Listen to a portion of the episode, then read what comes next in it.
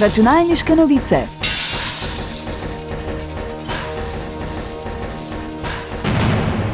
Prisluhnite novostim in zanimivostim z področja računalništva.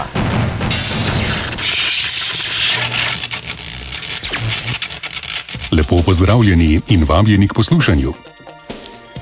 Podjetje OpenAI nasprotuje delom osnutka Evropskega zakona o umetni inteligenci, ki bi postavil stroge omejitve za sisteme umetne inteligence splošnega namena, kakršen je Chat GPT. Evropska unija naj bi torej tudi splošne sisteme umetne inteligence označila kot sisteme z visoko stopnjo tveganja.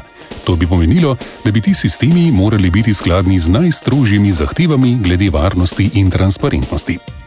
OpenAI trdi, da njihova tehnologija sodi v posebno kategorijo, strogim varnostnim predpisom pa bi morala slediti izključno podjetja, ki umetno inteligenco uporabljajo za visoko tvegane namene. Podobno stališče sta zauzela tudi Google in Microsoft. Kakšna bo končna podoba novega Evropskega akta o umetni inteligenci, bo znano proti koncu leta. Računalniške novice. Ameriška zvezdna trgovinska komisija je vložila tožbo proti Amazonu. Podjetju očitajo, da je več let namerno poskušalo upisovati uporabnike v svoj plačljiv naročniški program Amazon Prime. To naj bi storilo brez privolitve uporabnikov in vsak poskus odjave občutno otežilo. Ameriška komisija, ki je zadolžena za zaščito potrošnikov, je razkrila, da je bila ta strategija del skrivnega projekta imenovanega Projekt Iliada.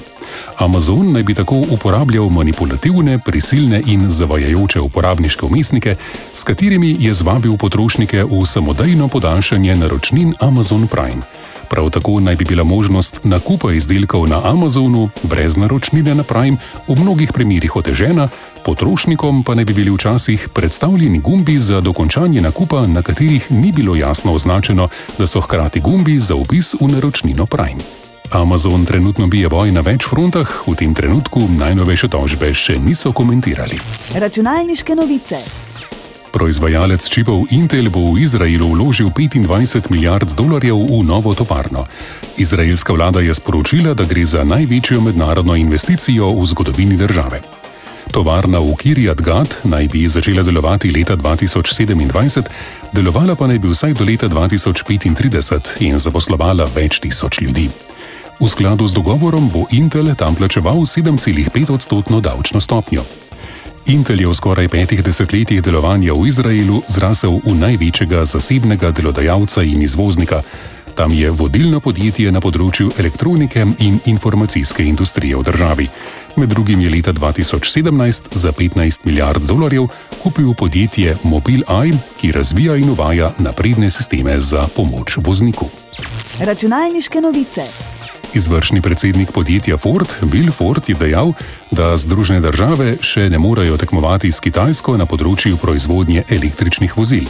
Opozoril je, da ima kitajsko gospodarstvo pri proizvodnji občutno prednost. Prehiteli so jih na področju masovne proizvodnje in sedaj že v velikih količinah izvažajo svoje produkte. Februarja je ameriški proizvajalec avtomobilov sicer napovedal 3,5 milijardno investicijo v tovarno za proizvodnjo baterij za električna vozila.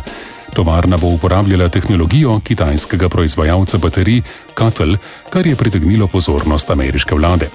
Ford je na preiskavo odgovoril, da lahko s časoma kitajsko tehnologijo priredi za svoje potrebe. Le s kitajsko tehnologijo pa lahko v tem trenutku gradijo prepoznavnost lastne blagovne znamke in nižajo proizvodne stroške. Računalniške novice. Hvala za spremljanje in lepo zdrav do naslednjič. Novosti in zanimivosti je za vas pripravilo uredništvo revije Računalniške novice. Prisluhnete nam lahko ponovno naslednji teden ob istem času.